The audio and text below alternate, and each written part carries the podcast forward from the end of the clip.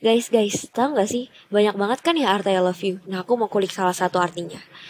I love you artinya aku memberikan kamu kuasa untuk menyakiti hati aku, namun aku percaya bahwa kamu tidak akan melakukannya. Karena I love you. Artinya kita memberikan hati kita kepada seseorang yang artinya orang itu punya kuasa untuk melukai hati kita. Tapi di situ adalah decision kita di mana kita percaya bahwa orang itu tidak akan menyakiti kita.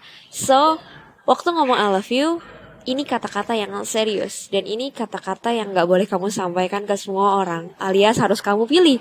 Kalaupun orang tersebut pada akhirnya akan mengecewakan ya one day atau one case pasti ada hal-hal yang kita nggak suka dari pasangan kita hal, hal yang mengecewakan dari pasangan kita. Tapi pastikan bahwa yang melukai hati kamu adalah orang yang tepat.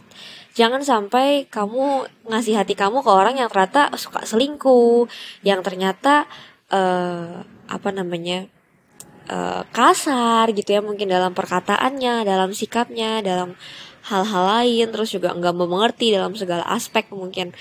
Karena sayang sakit yang kamu rasakan itu nggak bisa berbuah cinta nggak bisa berbuah manis.